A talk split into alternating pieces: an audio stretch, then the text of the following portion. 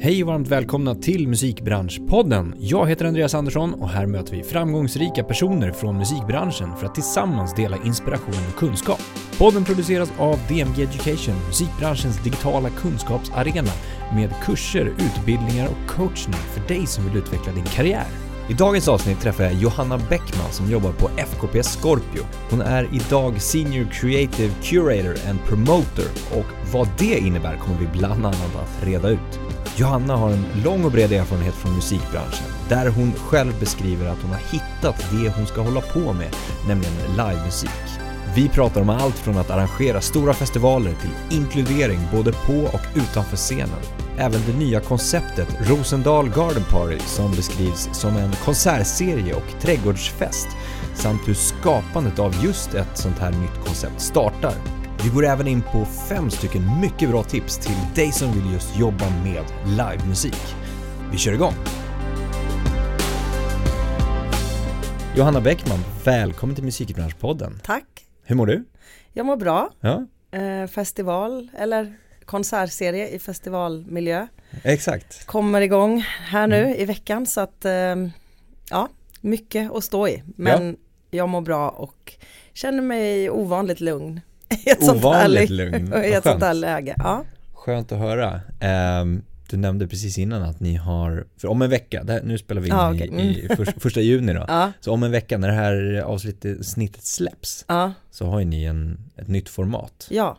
Eh, vi kommer in på det, ja. så en liten cliffhanger. Mm. Men ni har precis kommit in på festivalområdet idag. Precis, idag. Ja. Jag har inte va- Alltså vi har ju fått vara där hur mycket vi vill och så. Och liksom förbereda eh, under lång tid och liksom hur många sites visits med olika människor som helst. Men eh, nu flyttar vi liksom in med produktionen idag då. Mm. Så Kul, det känns spännande. jättespännande och kul. Ja, Mm. Vi kommer som sagt in på det Ja. lite mer. Absolut. Eh, men det, ska, här ska bli jättekul. Mm. Ehm, du är ju då Senior Creative Curator and Promoter. Ja, extremt krånglig titel. snubbeltitel. Ja, Eh, vi pratade om det, Kura- kurator är Ja. inte jättebra översättning. nej, kurator är ju eh, något helt annat. Ja, Även om man ibland får agera det kanske också för artister.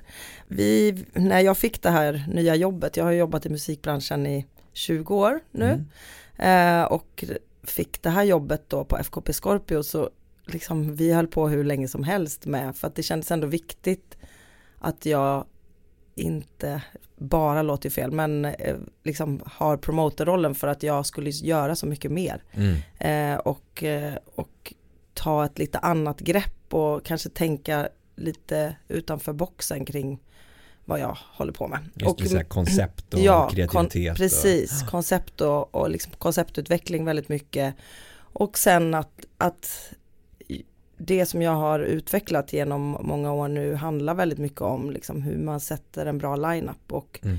själva programmeringsdelen i det. Så då tog den, den titeln kommer ju väldigt mycket från konstvärlden och det kändes som att det, det är ändå någon slags konstnärlighet och eh, artisteri nästan i det också. Att, Mm. att liksom kunna dramaturgiskt sätta ett bra program. Ja, ja men exakt. Ehm, så ja, så det, det fick bli så. Ja. Även om det är, och jag har jobbat så länge så att jag får nog kalla mig senior nu. Ja men exakt. 20 år, det är Ja, liksom exakt. gränsen i alla fall för senior. Ja, Eh, men, och som du nämnde att, att ni valde det för, eh, på engelska just för att ni jobbar så pass internationellt och mot Exakt. internationella aktörer och artister. ja, vi jobbar ju, jag skulle säga, vi jobbar en del med, mot, liksom med svenska artister också. Men vi jobbar framförallt gentemot utländska agenter och utländska artister. Mm, Så att då, eh, så det måste, behöver vara på engelska. ja. Men det finns ingen riktigt, alltså som sagt, ja, en, man kallar väl det för en konstkurator i och för sig kanske, men det, det ger asso- associationer till någonting annat. Mm. Men som sagt, du, du arrangerar festivaler, eh, Mm. du har arrangerat mycket Mm. festivaler och spelningar Mm, eh, och konserter. ja, och vi kommer lite in på det som sagt, Mm. hur det liksom går till sådär. Och du nämnde det, men jag ska referera till en artikel också. Mm. Min superkraft ligger i det dramaturgiska. mm, Hur man bygger en fet lineup och intressant innehåll. ja. Och hur gör man det då?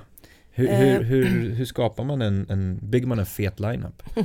Nej men eh, konceptet är på något sätt grunden i mm. vad det är för lineup man behöver skapa. Så jobbar jag i alla fall väldigt mycket. Och att tänka på vilka tider som vad händer. Sen så är det ju så i festivalsammanhang så finns det ju vissa modeller. Jag har ofta försökt bryta dem liksom, eh, liksom att så här, ja men det ska ju vara headline sist och sånt där. I dansmusikvärlden så jobbar man också mycket med det, jag kommer mycket från den världen från början men, men där tänker man ju också mycket på ja, men hur ett dansgolv ska gå till mm. exempel och då kanske det inte är så att bara för att en artist är störst så kanske det inte blir bäst att den spelar sist. Men i festivalsammanhang så jobbar man ju ändå ofta utefter det. Mm. Ja men och, och liksom att tänka även på, alltså för mig handlar det väldigt mycket om att tänka för resan för publiken. Mm. Eh, vad, vad är det för, att det verkligen ska vara det också, en, någon slags resa. Mm. Eh, sen så, jag har allt, för mig har det alltid varit jätteviktigt och eh, att jobba med eh, inkluderande lineups, att eh, det inte bara ska vara vita män som står på en scen eh, som spelar gitarr. Att, eh, att det ska liksom finnas någon slags spännvidd och eh, alltså att överraskningar och att det ska mm. kännas intressant och att det ska få vara sväng och eh, liksom eh, att man ska få känna lugn. Och, alltså att man spelar också jättemycket på människors eh, känslor och så vidare. Mm, mm. Så att, eh, men, men just och sen liksom jämställdhet och jämlikhet är för mig jätteviktigt. Jag, mm. jag, klar, jag sa ju det i den där artikeln också men jag kan liksom inte ha bara som sagt vita män på en scen. Då, det går inte. Då, det, den tiden är förbi. Ja, ja. verkligen. Ja. Men det, i det här att sätta den här line-upen mm. så måste ju du då ha rätt bra koll på inte bara artisten eller bandet i fråga liksom själva musiken utan kanske själva showen. Ja. Alltså själva liksom performance-delen ja. också. Absolut. Och det kan ju variera från liksom år till år ja. eller från man har släppt någonting nytt och, och artisten har ett nytt koncept. Och det är absolut inte alltid vi vet vad de ska komma med för, för liksom produktion. Det är inte alltid de själva vet det när de bokas så. För det sker ofta långt i förväg. Men nej, så att man får ju ändå gå ganska mycket på det man vet och alltså vad man tror. Mm. det är ju jättemånga gånger som jag har bokat saker osedda och ibland har det inte, har inte förväntningarna uppfyllts. Men det är också en del av spelet så att mm. säga. Att, att liksom man får chansa ganska mycket också. Mm. Alltså så, och gå på, gå på sin känsla. Eh, och ibland lyckas man, ibland lyckas man inte och det gäller att inte vara, ta det i början, alltså förr så tog jag då nog det väldigt mycket mer, alltså som en personlig förlust om, det, om min vision inte blev som, som jag hade tänkt. Men så har jag nog lärt mig att det, även om det inte blir det så blir det någonting annat och då Exakt. är det också bra. Ja. Alltså så, och eh, jag, jag vill liksom ge artister feta möjligheter att att göra någonting, alltså att vara med på någonting liksom som, som är, är lite mer uttänkt än vad kanske alla gör. Jag vet inte. Mm. Det är någon, någon, slags grund för mig tror jag. Mm. Men den här line-upen då? Mm. Man tänker, eh, nu är det en vecka kvar till mm. det här eh, festivalkonceptet. När är det spikat och klart? Eh, alltså just i det här fallet så har det varit spikat ganska länge. Vi har jobbat, vi jobbade lite annorlunda med det här just för att vi, har, vi gör det här konceptet som en, vi har gjort det som en konsertserie och vi har liksom släppt alla dagar. Det har inte varit som, eh, vi, har inte, vi har inte jobbat med det som, som andra festivaler ofta gör, som, där de kanske släpper artister och så säger de inte vilka dagar det är och så mm. eh, utan här har vi liksom gett från början, det här är vad ni får den här dagen vi har hållit på och snackat om ska vi lägga till en scen eller inte men vi valde det här första året att inte göra det utan att det är en scen och så kommer det liksom vara DJs som spelar i changeovers på en annan plats och, eh, och liksom att, att um, ja, men mat och dryck och liksom så att, att också kunna få ha det lite lugnt mellan mm. sådär. Eh, eh, och nej men så att, så att just det här konceptet har liksom där har, har line-upen varit klar och uttalad och det har inte lagts till efter att vi har gått ut med varje dag då. Mm. Eh, och här har vi jobbat ganska mycket just så eh, att genredagar. Okej. Eh, så att man, eller någorlunda genredagar, det är, det är klart att det inte allt det är bara rock på en dag, men ändå har någonting som där vi känner att så här, men här, det här är liksom en dag som vi känner är fyra eller fem artister per dag som är ett paket som vi känner bra för den dagen och så försöker vi verkligen sälja liksom sälja varje dag specif liksom specifikt eller vad man ska säga. Så det har varit ute länge. Mm. Men man kan jobba på massa olika sätt. Vi har en efterfest också. Vi, jag har ett nytt koncept som heter Kind People Club som jag gör tillsammans med två andra eh, kompisar som har ett annat, vi samproducerar det. Och där nu den här gången eh, ska vi göra som en efterfest efter, eh, ef- efter sista akten på Rosendal eh, på Cirkus och då har vi valt att släppa headlinen först och så släppte vi igår resten av programmet och då har vi valt att göra artister som kanske inte alls är lika stora men som är så här nya och spännande och vågar liksom tro på Mm. att okej det finns en headline som drar men vi presenterar saker som vi tycker är jättebra men som folk kanske inte känner till men som, som vi vet kommer ge liksom en fantastisk kväll. Så att ja, man kan jobba på massa olika sätt. Mm. Det där är ju superspännande och Mm. då själva spelschemat, är det också Mm. satt redan från början när man sätter liksom line-upen av artister och band? Sätter ni då att ja, men den här ska spela den tidpunkten, den tid?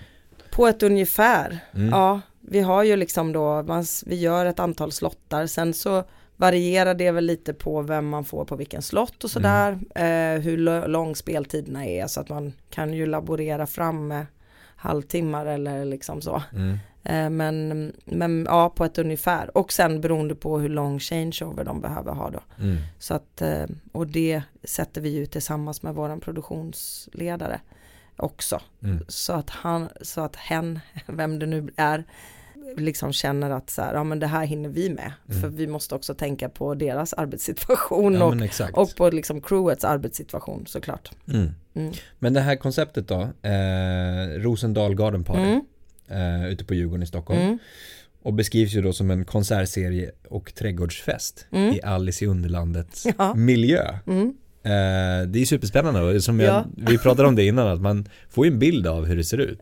Lite, lite quirky nästan fast ändå liksom lite mysigt och Ja. lite så här skön vibe på Ja, något sätt. Och det är ungefär det vi vill skapa.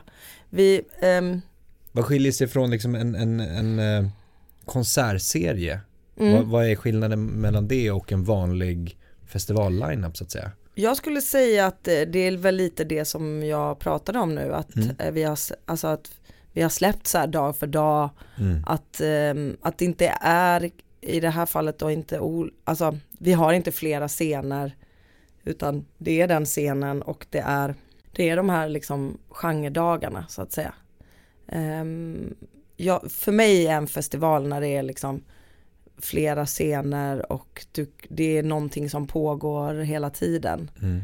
Ehm, och vi vill ju jobba då med det här andra konceptet. Ja men lite mer, som du sa, trädgårdsfeststämning på något sätt. Ja, den kanske inte har så mycket med konsertserien att göra igen. Eller Nej. det har ju blivit det såklart i konceptet. Men jag eh, jobbar, eller vi jobbar tillsammans med eh, ett gäng Selva Studio som leds av en tjej som heter Malou Bergman. Som har gjort eh, under pandemin, de har gjort grejer, konstgrejer i den här stan i massa, massa år och fester och så vidare. Ehm, och gör alltid jättespännande saker konstnärligt. Och de gjorde under pandemin så har de haft en, um, någonting som heter skogssalong ute i skogen i Bagarmossen. Mm. Bara för att människor skulle få uppleva konst utan att behöva liksom vara rädda för att bli smittade med corona. Så att de har liksom ju haft konst utspridd i en hel skog så att du har kunnat gå och ändå hålla avstånd och alla sådana saker. Så, att, eh, de, och då, så de har ju jobbat ganska mycket med skogsmiljö och sådana saker och konst i skogsmiljö. Så att det kändes väldigt kul att liksom göra ett samarbete med dem kring ja, men hur liksom konsten och dekoren och hur saker skulle vara utformade. Och Malou har också jobbat eh, med andra grejer ute på, ute på Rosendal och eh, gjort arrangemang eh, med Rosendals trädgård och sådär, eller ja, fester om man säger så, ute på Rosendals trädgård. Där hon har jobbat mycket med, eh, med UV bland annat, liksom UV-färger och sånt. Mm. Nu är ju detta på dagtid, så vi, jag tror att vi hade en väldigt stor, en bild av att det var så här Alice i Underlandet värld eh, och allting var i UV-färger typ. Men det, det kommer bli svårt eh, just för att det är juni Det är i Sverige. superljust. Ja. Men, eh, men, nej men vi liksom tänkte väldigt mycket på och ja, jag försökte väl förklara för henne lite vad jag såg och hon fick en väldigt tydlig bild av att så här, men Djurgården eh, och Rosendal då framförallt eh, har en väldigt stark trädgårdstradition. Alltså Mm. det har funnits skolor där för trädgårdsmästare bland annat. Och så vi ville liksom på något sätt ta tillvara på den traditionen men ändå göra det på ett mer, jag ska inte säga surrealistiskt men lite flummigare. Mm. Får vi se om vi lyckas. Mm. Eh, men det känns som det. Eh, och och att, att liksom skapa en trädgårdsfeststämning men, och, och jobba väldigt mycket med liksom naturliga material. Okej. Mm. Inte, inte så mycket plast och liksom och, och verkligen saker som man vill kan återvinna. Eh, bland annat så har då Selva Studio gjort eh, konstverk utifrån nerfallen träd ute på Rosendal. Alltså Mhm, för att det, mm. har, det var storm här tidigare i år. Det var massa träd som föll och liksom grenar som föll och sånt. Så har de tagit tillvara på allt det och så har de byggt eh, ja, men stora, stora djur i de här trä, Mhm. i de här fallna träd Mm. Mm. eh, som har blivit ja, men stora konstverk som är liksom, som vi ser som de har bott där i massa, massa år, de här djuren. Liksom Och urdjuren, på Urdjuren Djurgården. på Rosendal och Ja. det som är så fint nu är att de också ska få bo kvar. Mm. För att Djurgårdsförvaltningen som är vår samarbetspartner som är fantastiska, de, eh, de tycker så mycket om dem och Mm. kände så här, men de är ju liksom byggda av trä, nedfallna fallen träd. Så, och, så nu ska de få bli insektshotell så det är jättebra för den biologiska mångfalden. Mm. Så det känns som så extrem win-win och väldigt ett sätt som jag tänker för framtiden att man ska kunna jobba på det sättet att Mm. inte jobba med så mycket material som, alltså det går inte helt och hållet på en festival. Att Nej. vara, alltså vi, vi försöker liksom att vara så hållbara vi bara kan. Det är liksom en väldigt stor del av det här konceptet också. Mm. Men det går inte alltid. Men då ska vi i alla fall tänka att vi försöker köpa eller liksom ha saker som vi inte slänger i efterhand. Ja. Till exempel har de byggt stora blommor i tyll. Det är ju inte ett jättebra material men där eh, det, de har använt pilatesbollar. Ja men de kan vi använda på kontoret sen. Då blir det bra för eh, våran eh, liksom hälsa som i slutändan blir bra för våran mentala hälsa som i slutändan gör att vi blir en bättre organisation. Alltså så att man försöker tänka, så försöker vi tänka jättemycket. Mm. Häftigt och kanske inspirera andra också. Hoppas Alltså det. i det här att liksom pusha lite gränser på Ja. något sätt. Eh, just kring hållbarheten. Ja, Ja men spännande. ja, Det jag funderar på direkt är ju att det är ett nytt koncept, det är någonting nytt som inte har skapats förut.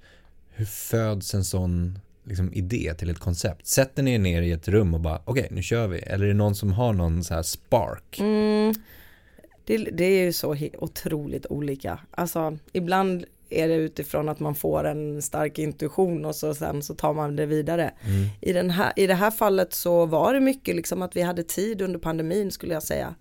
Att, eh, och, alltså jag kom ju in i det här företaget mitt under pandemin. Jag började Mm. jobba där i, under hösten 2020 och jobbade, var ju permitterad liksom. Eh, och eh, hade en väldigt, väldigt lång startsträcka.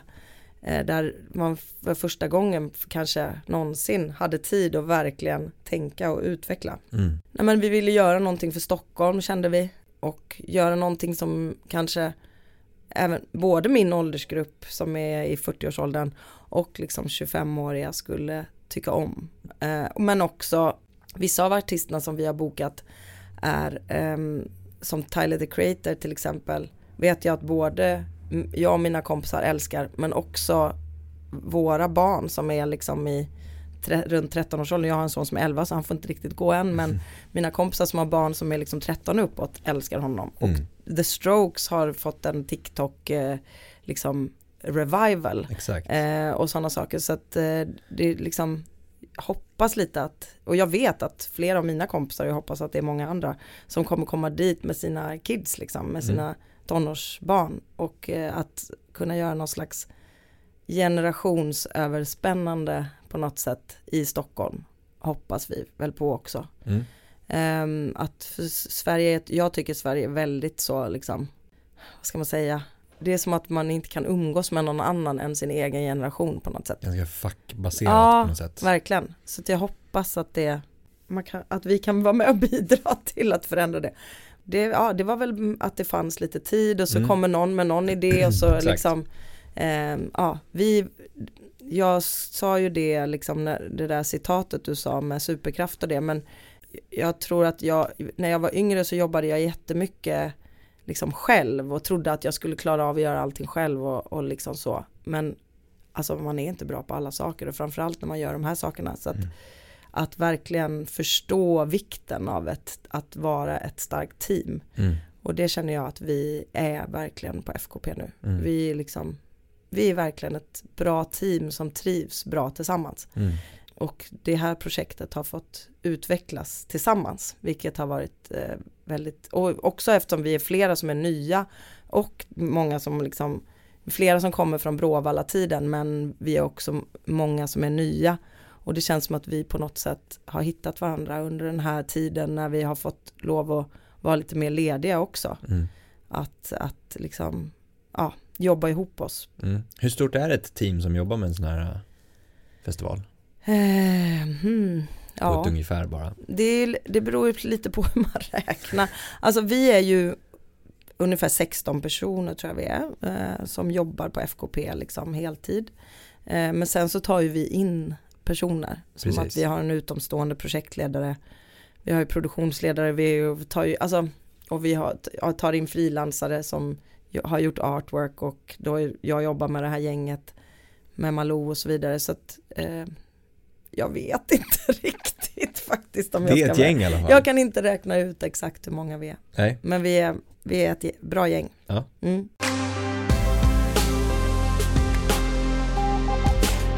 Jag tänker vi ska gå in lite grann på din tidigare erfarenhet också, Ja. som vi pratade om. Du har ju jobbat mycket med live Mm. eh, och arrangerat mycket, allt från festivaler till liksom spelningar och eh, bokningsansvarig Mm. på Trädgården eller Precis. under bron och Nobelberget i Ja. Stockholm. Från alla de här eh, erfarenheterna och åren in i, i nuvarande roll. Ja men egentligen, eh, inte, jag ska inte säga allting men extremt mycket såklart.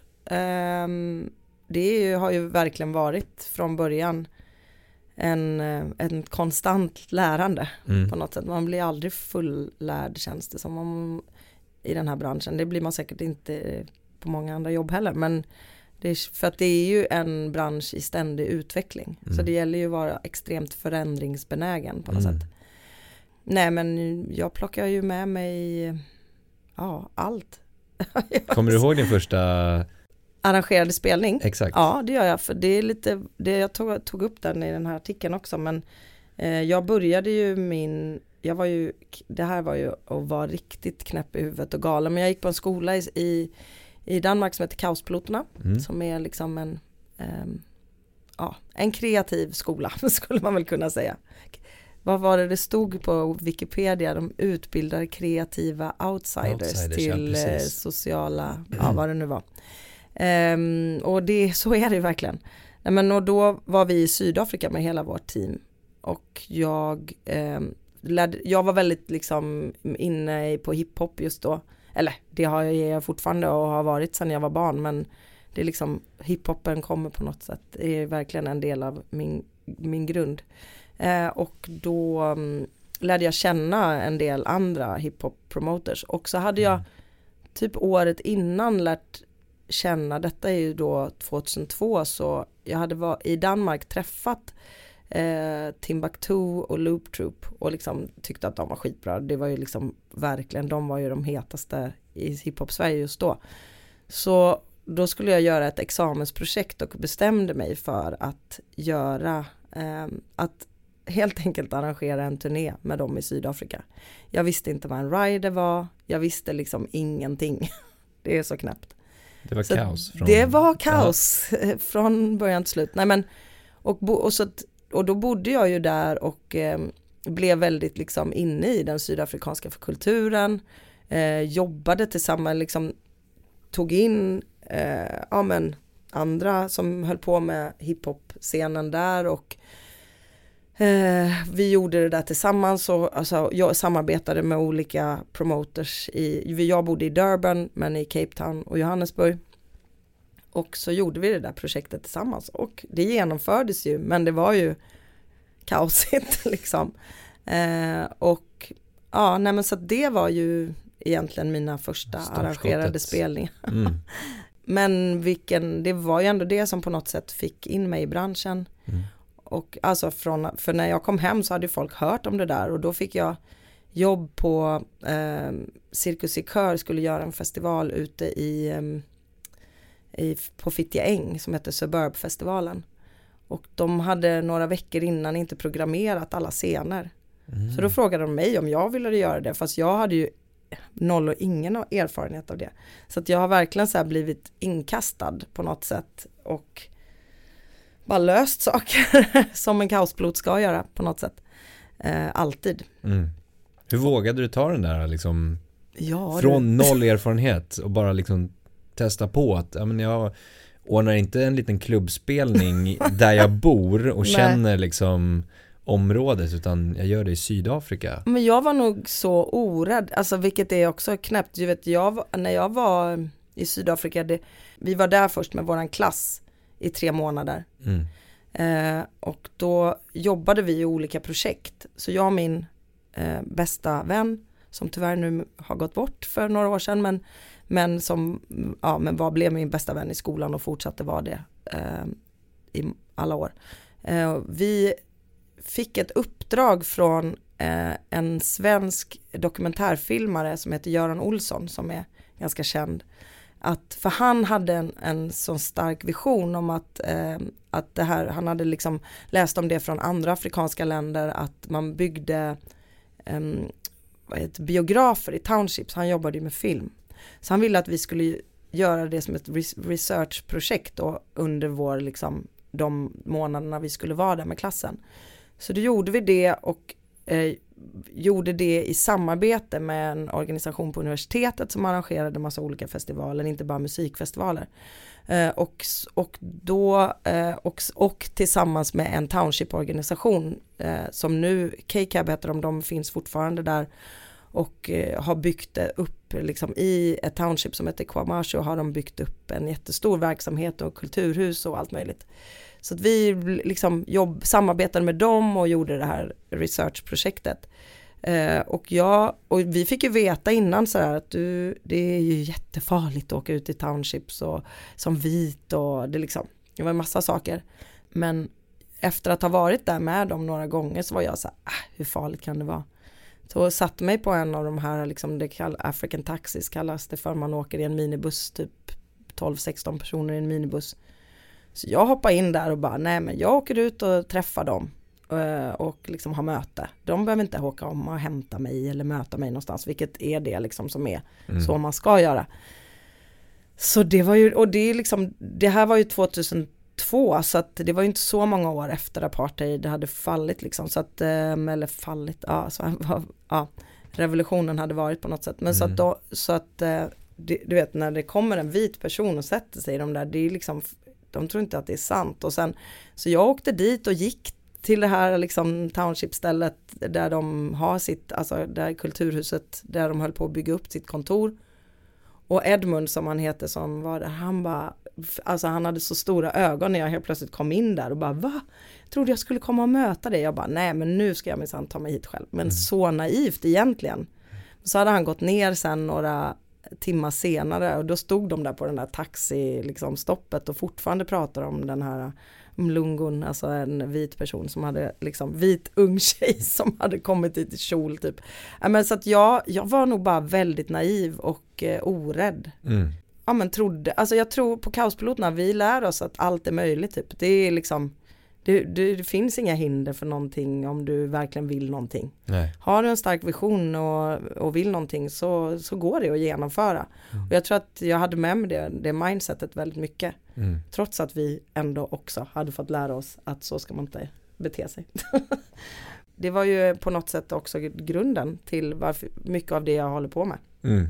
Ja men, och som du säger, du, du hänvisar till den artikeln som du nämnde mm. också just då och pratar om det och um, att du fick en stor förståelse för ditt privilegium ja. som vit till ja. exempel då.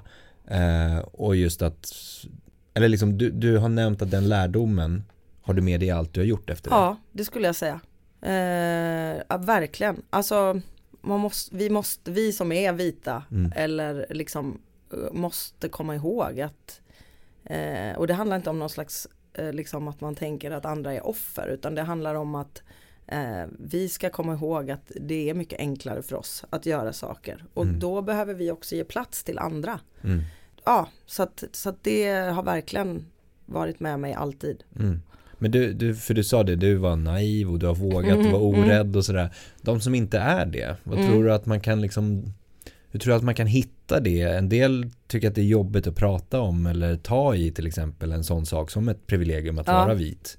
Hur tror du man kan tänka om man inte har den liksom, oräddheten eller mm. viljan eller vet vad man ska liksom, göra för att bidra på något sätt. Ja. Du kan ju till exempel jobba ganska konkret som du säger i ja, ditt exakt. jobb nu. Jag har ju väldigt med... konkret möjlighet att kunna göra det i Ja mitt men jobb. exakt. Eh, genom att lyfta då artister mm. eller samarbeta med eh, människor också på andra sätt. Ja för det var det jag tänkte ja. också att komma in på just att, att det är ju inte lätt men, men det första man tänker på är ju liksom representation på, på scenen mm. till exempel. Men det finns ju så mycket ja. mer runt omkring som du säger, samarbeten, ja. bakom scenen. Ja men verkligen, alltså jag vill ju det vill ju att branschen ska förändras på det sättet också och har gjort det väl ändå skulle jag säga de åren jag har jobbat eh, så har det också förändrats i liksom vilka som jobbar också. Mm. Men det behöver förändras ännu mer. Mm att det inte ska vara så mycket vita män. Eh, men det har ju, men det har skett en stor förändring och det, eh, det men det kommer att förändras mer, är jag helt säker på. Mm. Både när det gäller liksom kvinnorepresentation och icke-vit representation. Mm. Men eh, om vi går tillbaka till det här med din tidigare erfarenhet från live. Mm. många som man pratar med, eller många som jobbar med liveverksamhet oavsett om det är bokare eller om det är promoter eller om det är agent eller om det är um, arrangör så har liksom många just erfarenhet av att till exempel ordna en egen klubb. Ja. Eller eh, boka artister till ett studentställe eh, eller dra mm. ihop någonting på en fritidsgård eller ja. rockklubb eller ja. någonting sånt där de som är lite sugna på att kanske testa på det här, vart, mm. vart tycker jag att man ska börja? Men jag tycker att det är ett jättebra sätt att börja. Ja. Alltså det, det är verkligen där man ska börja. Arrangera klubbar. Det var ju det jag gjorde sen. När jag kom till mm. Stockholm så har det är liksom klubbscenen som på något sätt har varit min stora lärdom. Eh, och om man kan göra det redan när man går på, är på fritidsgården så är väl det toppen. Mm. Eh, liksom arrangera fester eller arrangera klubbar och liksom och, och sådär. Mm. Så att det är liksom den bästa vägen in. Sen är det svårt i den här stan när det kommer till lokaler. Exakt. Eh, men det hoppas jag är under förändring för det känns som att min bild som ändå har lite kontakt med Stockholms stad och liksom fastighetsägare och så vidare så finns det en, känns det som att det finns en vilja och börjar finnas en förståelse för att det, det är stora problem i Stockholm. Mm. Och, och kanske i andra, nog eller definitivt i andra eh, svenska städer också. Mm. Eh, så att det, för det, trösklarna är liksom, eller vad ska man säga, höjden, tröskeln är lite för hög. Ja. Eh, om man, om, för de som inte har pengar, mm. att, eller så här, pengar i ryggen att mm. kunna göra saker, mm. så är trösklarna för höga. Mm. Ja men exakt och sen det finns väl en, en viss liksom nivå av Alltså kapacitetsnivå av mm. lokaler som det saknas väldigt mycket till Verkligen. exempel. Verkligen. Eh, men sen finns det ju mycket att se till de otraditionella ställena till exempel Mm. och se möjligheterna för, ja, men, som vi sa, fritidsgårdar. Ja. Det är liksom mindre slags spelningar. Mm. De, är inte, de kanske inte de traditionella. Nej, Eh, Allt från kaféer till centrum till eh, klädaffärer. Ja. De speciella sådana och skapa samarbeten och dra idé och, och sådär. Men du behöver ju vara lite driven för att kanske, ja man behöver nog ha någonting. någon slags drift, Ja. om man ska säga. Man behöver vara lite orädd tror jag, ja, faktiskt. Man behöver ha lite den, den typen av mentalitet att allt är möjligt när man jobbar med sånt här. ja, precis. Ja, Du har också sagt, nu hänvisar jag ganska Mm. mycket, men du har också sagt att eh, branschen och din erfarenhet från branschen har gjort dig rätt hårdhudad. ja Måste man vara hårdhudad? ganska, ja lite grann tror jag. Ja. Eh, och framförallt kanske som tjej Mm. måste man kanske vara lite mer hårdhudad. Nej, eller killarna är väl det också. Men det, man får inte saker lika mycket gratis så att säga Nej. som tjej.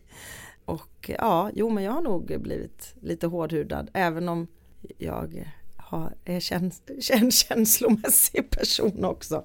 Så tror jag nog att det har blivit det. Mm. Alltså, men det handlar också om en slags erfarenhet att som jag pratade om i början, jag tror jag tog, tog saker mycket mer personligt Mm. när jag var yngre. Mm. Och det gjorde väldigt mycket mer ondare såklart, men det var ju för att det var typ mina egna pengar också, kanske när man gick, för att man kommer gå back. Mm. Det kommer inte alltid komma folk, alltså så på dina grejer. Mm. Och det är ju det jobb, alltså det är ju på riktigt det som är det jobbigaste med att ha den här rollen. Mm. Det är ju det ständiga kampen av att få folk att köpa biljetter. Och, eller, eller få folk att komma. Och det är ju liksom ett, inte ständigt magsår, för jag har inte magsår. Men det är liksom, det är ju en klump i magen som man nästan lever med ständigt. Mm. Det kanske inte tar mig lika mycket personligt längre. Nej. Det kanske också för att det inte är mina egna pengar. Men gud, låter ju hemskt. Men Nej men såklart och, Ja. och den erfarenheten, du bygger ju på det och, och förstår ju på att det, Ja. det var, världen gick inte under av det. nej, världen gick inte Ehm, under av det. och Och det- jag, jag har nog också, jag har ju jobbat med andra saker inom musikbranschen Mm. också. Jag har ju varit, eh, eh, var med och starta eh, labeln Ingrid till exempel eh, och jobbat mycket med det gänget som, som hänger där. Som är fortfarande mina vänner.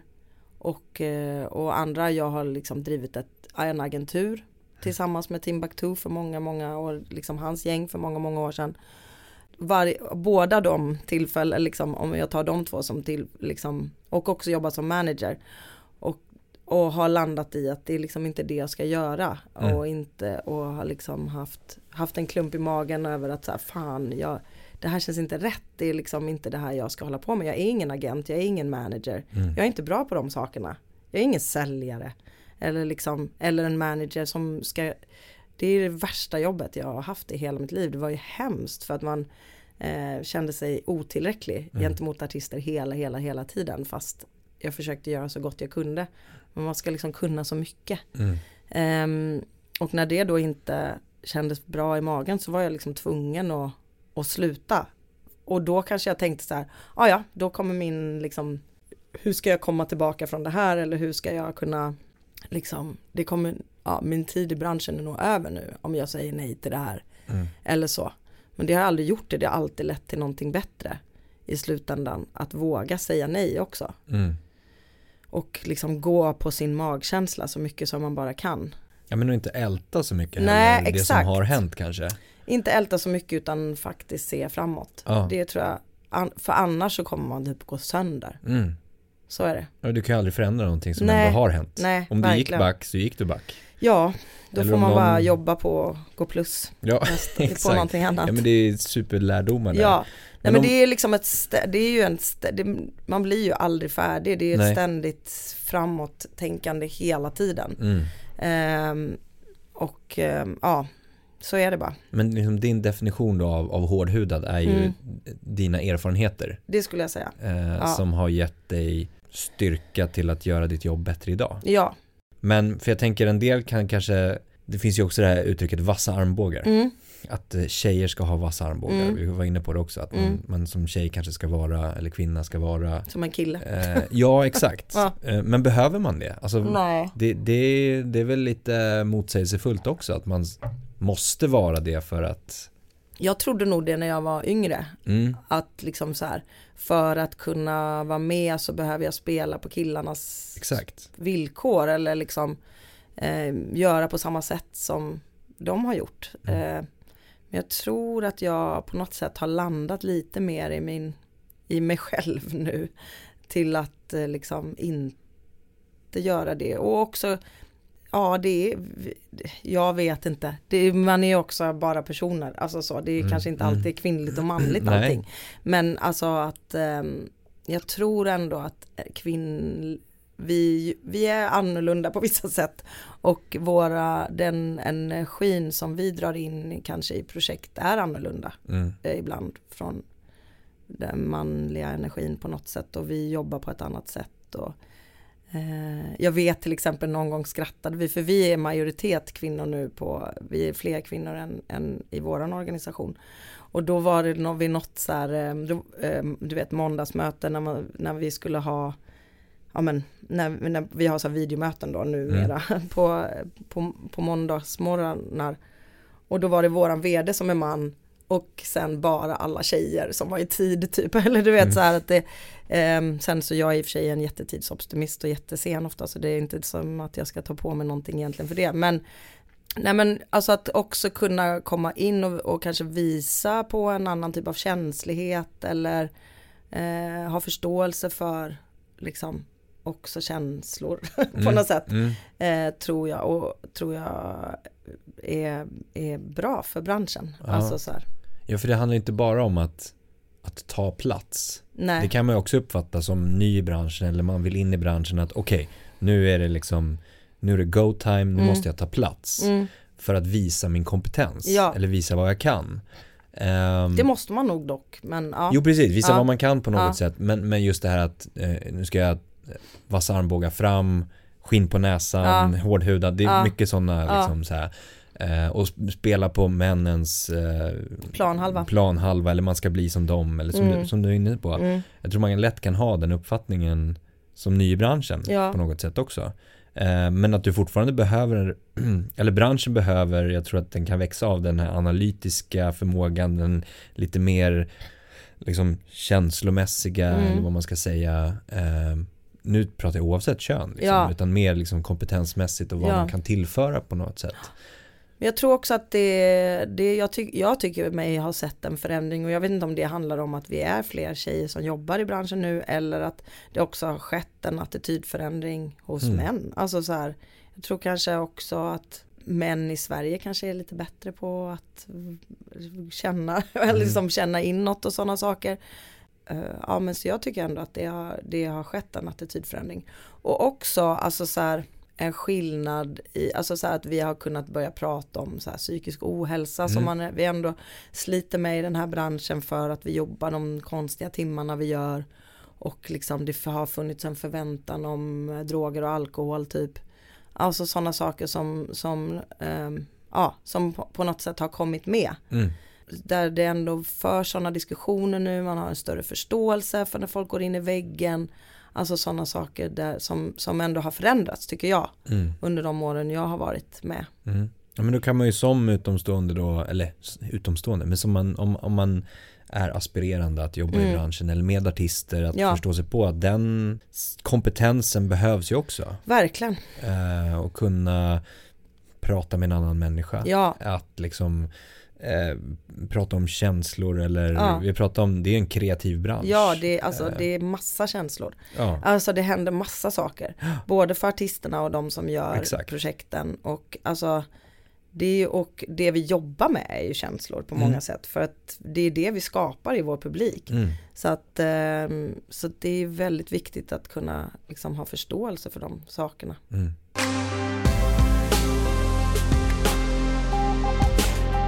Vi ska mm, prata om lite tips. Ja, Eh, som ta upp de tipsen. Ta upp de tipsen. Fem stycken tips är det. Ja, Eh, som jag gav. Ja. Exakt. Så jag tänker att vi går igenom Ja, dem och, pratar runt dem Ja. lite grann och kanske lite i detalj. Mm, Eh, det första, alltså det här är ju då tips till den som kanske vill jobba mm, med det jag gör. med det du gör, med liveverksamhet i musikbranschen. Ehm, Promotorjobbet. Ja men precis. Det första då, kunna Ja. se potentiella storverk i artister, Ja, ha intuitionen som krävs för att upptäcka framtidens stjärnor och vara bra på att förvalta artisters livekarriär och hela tiden bygga framåt. Ja. Om vi börjar den då, kunna Mm. se storverk i artister ja, eh, och upptäcka framtidens stjärnor. ja. Vart eh, Hur gör man det? gör man det? Vad är den magiska formeln? Ehm, alltså, när man väl är inne som jag är i någon slags rullians Ja, och eh, får tipsen från agenter så är ju det såklart mycket enklare. mm, För en. Men det handlar ju också om att på riktigt ehm, vara där ute hela tiden. mm, Och det kan man ju undra varför en, när man är 40 plus.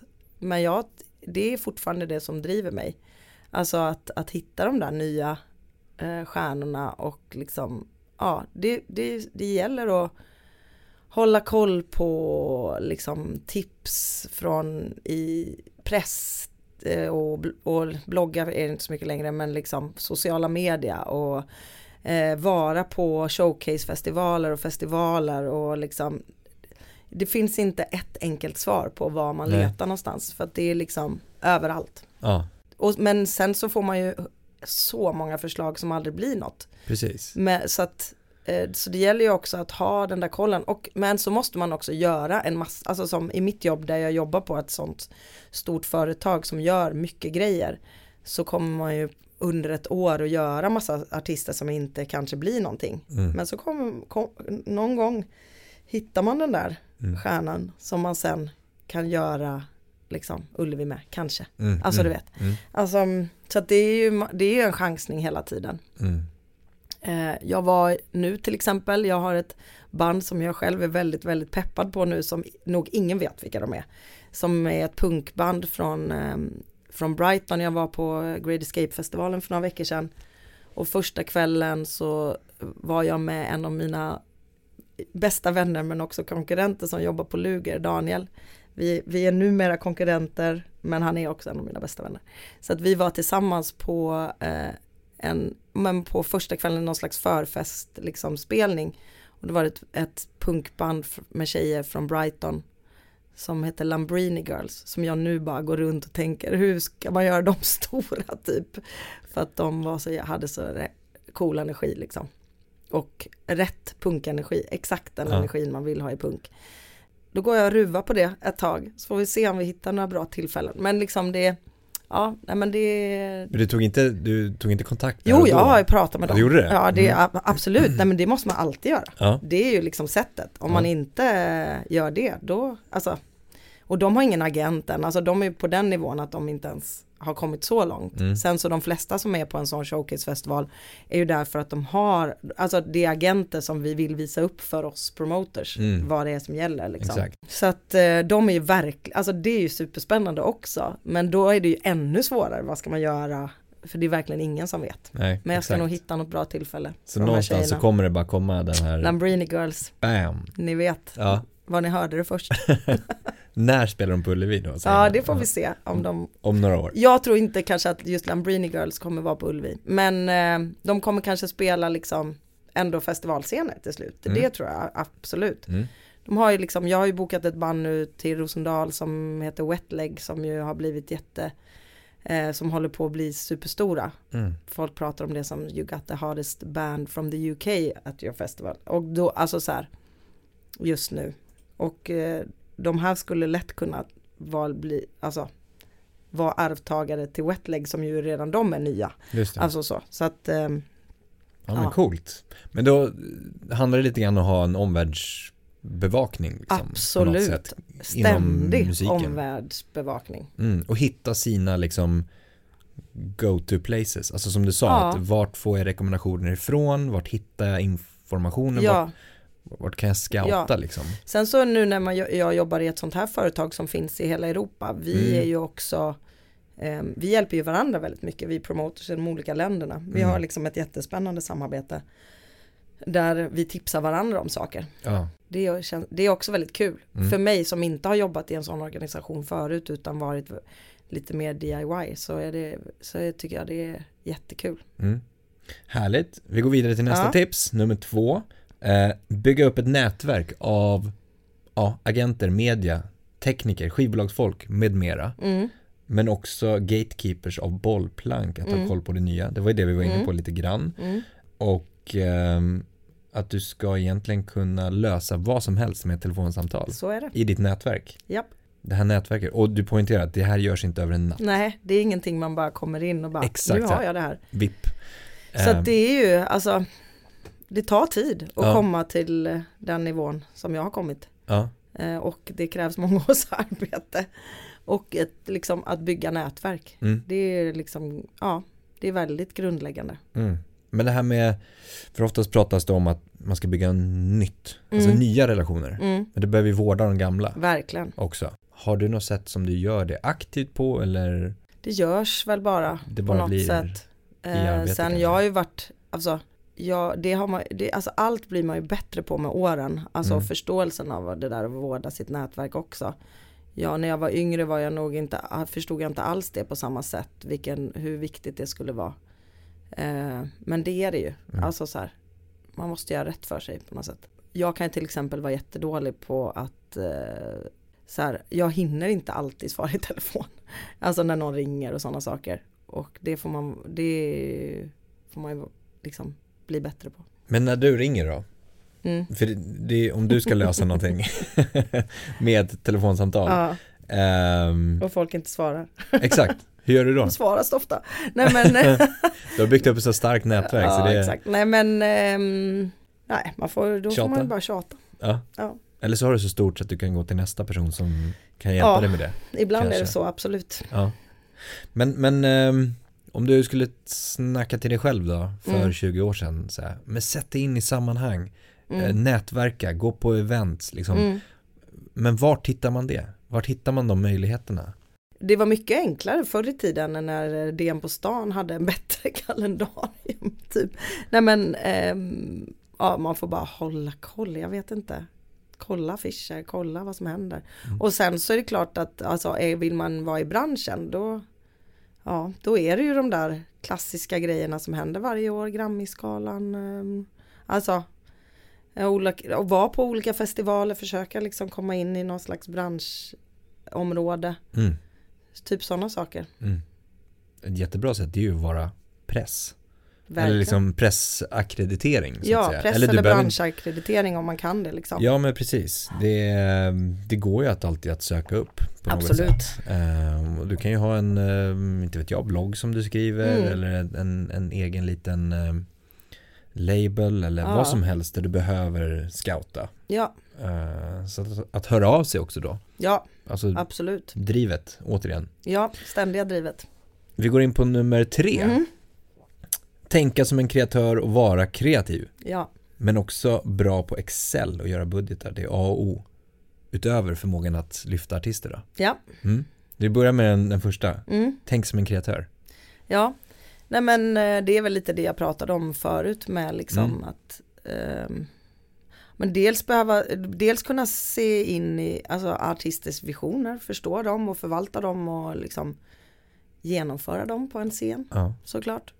Eh, men också det här liksom dramaturgiska förståelsen och, och känslan. Mm. Eh, så. så det är väl mycket det. Men att gå in i den här kreativa visionen då som Ja. en artist kan ha. Hur mycket i detalj kan det vara? Är det så här, ja, jag vill ha gul backdrop på gigget. Ja. För att det är det som kommer symbolisera det och det på min skiva och så Ja, står det i deras rider att vi ska genomföra det så måste vi Ja, göra ja, såklart. det. Men och ofta, alltså, ofta kommer de ju om, med sina egna produktioner. Ja, Eh, så att det handlar ju om att liksom ta den och liksom kunna förvalta den på, på scenen helt enkelt. mm, Och ibland så kommer de inte med saker och då måste man lösa det. mm, Men sen, alltså i mitt fall då när jag som, som ändå också skapar koncept mm, eh, på eh, mer än bara, om man säger så, eh, genomföra andra artisters produktioner eh, så, så är det ju verkligen, då måste man ju tänka som en kreatör, då är vi ju kreatörer också. Mm, För att då måste man ha en vision om vi säger att, ja men som nu på Rosendal då med dekor och så vidare. Ehm, så att, ja, då ska man ju tänka helhet på ett lite annat sätt mm, än när vi bara, när en artist kommer in med sin produktion. mm. Ja. Och sen ta ner det på ett Excel-ark. Exakt, det är det det handlar om. Nej men man måste verkligen kunna förstå och jobba med budgetar. Ja. Budget är ju ändå, och, det, och jag hittar ju någon slags kreativitet i att jobba med budget. Jag tycker att det är ganska spännande. Ser du själva utfallet eller är det mer liksom själva logiken bakom som du känner är kreativ? Ja, Men både logiken bakom men att hela tiden då liksom tweaka den och Ja. ja. här, det får kosta det, det får kosta det och liksom hur kan man sänka de kostnaderna och Ja, exakt. sådana saker. Förstå att det är ett levande dokument på något sätt Exakt. också. Eh, men eh, och, och också då förstå att nu pratar vi återigen till den som kanske vill jobba med Mm. det här att eh, det är inte bara musiken som, som är rolig och det är mm, hej och Nej. hå musikbransch och det är kreativt och man kan göra roliga häftiga saker Nej. utan det är ju en lönsamhetsaffär Affär. Absolut. som, som i grund och botten ska generera pengar Ja, till ett gäng aktörer ja, eh, och då behöver det ju gå ihop ja, så är det. musik är ju inte bara välgörenhet. Nej, utan det, är liksom, ska det verkligen inte vara. nej, det ska vara. exakt. Och det tycker jag väl under pandemin har blivit, alltså jag tror att gemene man har fått en större förståelse för, alltså inte bara Precis. musik då utan kulturbranschen som helhet. Mm, Alltså hur stort maskineri det är och hur många människor det är som, som liksom lever på det vi kallar besöksnäring. Mm. Eh, och eh, och, och liksom det är allt från bussbolag till tekniker till de som bygger scener till de som liksom drar staketen till allting. Alltså så här, exakt. det är verkligen ett stort korthus som föll där Mm, liksom. Ehm, och Det- att mm. det är inte bara, alltså det är många mun, mun, munnar som ska mättas så Ja. Ni gör ju Rammstein Mm, eh, på Ullevi ja, i sommar. Och jag hörde att de kommer med 70 ja, stycken lastbilar. det kan nog stämma. Jag gör inte exakt det gigget. Nej. Så jag har inte koll på deras exakta produktion. Men det är en stor produktion. Men bara för att se liksom en, visst det är en, en, en extremt det är stor det position. kanske en av de största extremerna. Men då tänker man ju, det är liksom, då är det 70 stycken lastbilschaufförer ja, som ska dit, ja, parkera, ja, sova, äta så är det. och så vidare och så vidare. Mm. Så det är ett stort maskineri. Ja, Eh, och alla de bakom det som, ja, men exakt. Som händer. Härligt. Ja. Ehm, så lär er Excel. Lär er Excel, verkligen. Nummer fyra. Var beredd att ge allt för musiken. Ja, Våga ta risker på intuition. jag vet. Det är det som är så himla läskigt. Men också Riskerna det där. som är spännande. Kalkylerade risker eller är det mer bara Ja. magkänslerisker? Nej, det är klart att det är kalkylerat också men det, det handlar ju om att, att så här, ja, du, du har en intuition på att den här artisten kommer funka. Precis. Men det är inte säkert att alla andra Nej, tycker som du. nej. så, så. så att det ehm, ja, Men då som det här bandet som du Labrini Girls, vill ta coola hit. tjejerna. Ja, Ehm, du, någonstans så går det ju ändå och du har en känsla av att Mm. det här måste, det här är så jäkla bra. mm, Eh, du ska du litar på intuitionen mm. Men du går ju ändå på något sätt ska hitta rätt ingång eller Ja. möjlighet till det. Ja, för det handlar ju också om alltså, deras, det är ju inte bara att sätta dem Nej. var som helst. För det, det ska ju vara rätt så att det sen kan leda till nästa steg och nästa steg. Man måste ju Exakt. liksom, det är som att bygga klossar på något sätt. Mm. Där de till slut ska bli Ullevi. Nej, Mm, det är mm. dåligt tråkigt exempel. Men liksom, ehm, Ja men då är det ju Ja. intuitionen liksom på något sätt, du, du bearbetar intuitionen ja, så är det ju verkligen. och sen agerar på den. Ja, ja det är ju liksom, man, det är ju många sömnlösa nätter. Ja. Kanske inte, inte för Lambrini Girls än, men, men liksom, eh, ja, Ja men de finns där ändå Ja, i bakhuvudet. exakt. Ja, ja men härligt, och, Mm. och ge allt för musiken. Ja, Vi pratar om att musiken är inte allt, men att ge allt för att det verkligen. ska generera någonting. Jag, det, jag försöker ju och det det har jag också blivit bättre på det med åren men att liksom stänga av och stänga på det är väldigt svårt. Mm. Alltså tankarna kommer ju när de kommer på något sätt. Mm. Och, man, och jag, jag tänker ju på det här, på det jag håller på med Mm. väldigt många timmar om dygnet. Även när jag inte borde, alltså när jag man borde tänka på annat och hushållsarbete och vad det nu kan vara. Men liksom det är, ja, det är Men- svårt att stänga av och stänga och vad heter det, sätta på och stänga av. Ja. Mm. Men eh, när det kommer en sån liksom inte vet jag, när du gör någonting helt annat än att Mm. jobba så kommer, får du en sån eh, Snilleblixt. snilleblixt eller någon tanke som bara det här måste jag göra. Mm. Hur tar du vidare den? Eller hur? Ja, alltså jag är jag vet inte om andra fungerar så, men jag brukar vara ganska direkt då.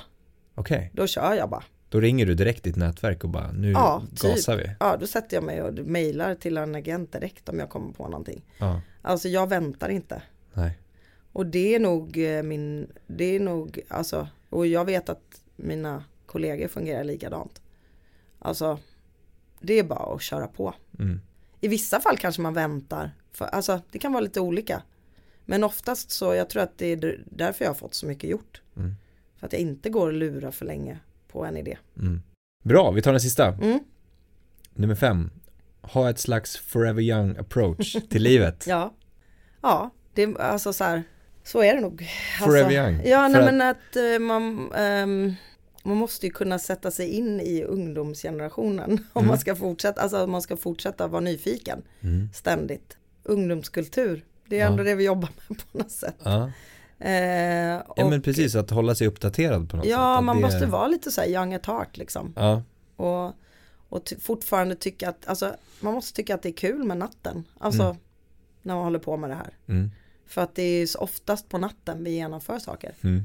Så att, eh, och då, men då med det om man tänker på det vi pratade om innan med utbrändhet och typ alla sådana saker så måste man också i slutändan förstå att man behöver liksom hitta en balans. Mm. Det är svårt. Mm. Det tar tid.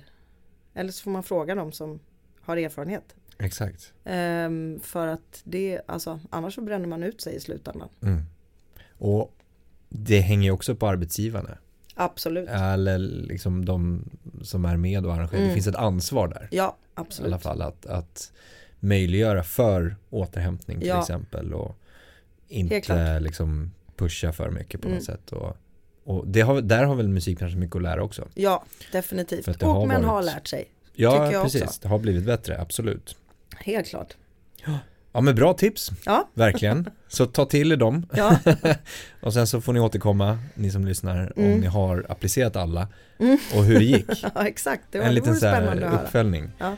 Eh, bra. Mm. Johanna, super tack för Ja, trevligt samtal och lycka till med eh, Rosendal Rosenbad. Garden Party. Tack så mycket. Jättestort tack för att du har lyssnat på podden idag. Det uppskattas verkligen. Kom ihåg att följa, stjärnmarkera, gilla, dela, kommentera för att hjälpa till att sprida kunskapen i musikbranschen. Vi vill också jättegärna höra från dig. Vilka utmaningar står du inför? Vad tycker du är svårt? Vad tycker du är lätt? Vad vill du höra? Vad vill du veta? Vad vill du lära dig? Hör av dig till oss på info at dmgeducation.se. Tack för idag och ha en fortsatt härlig dag.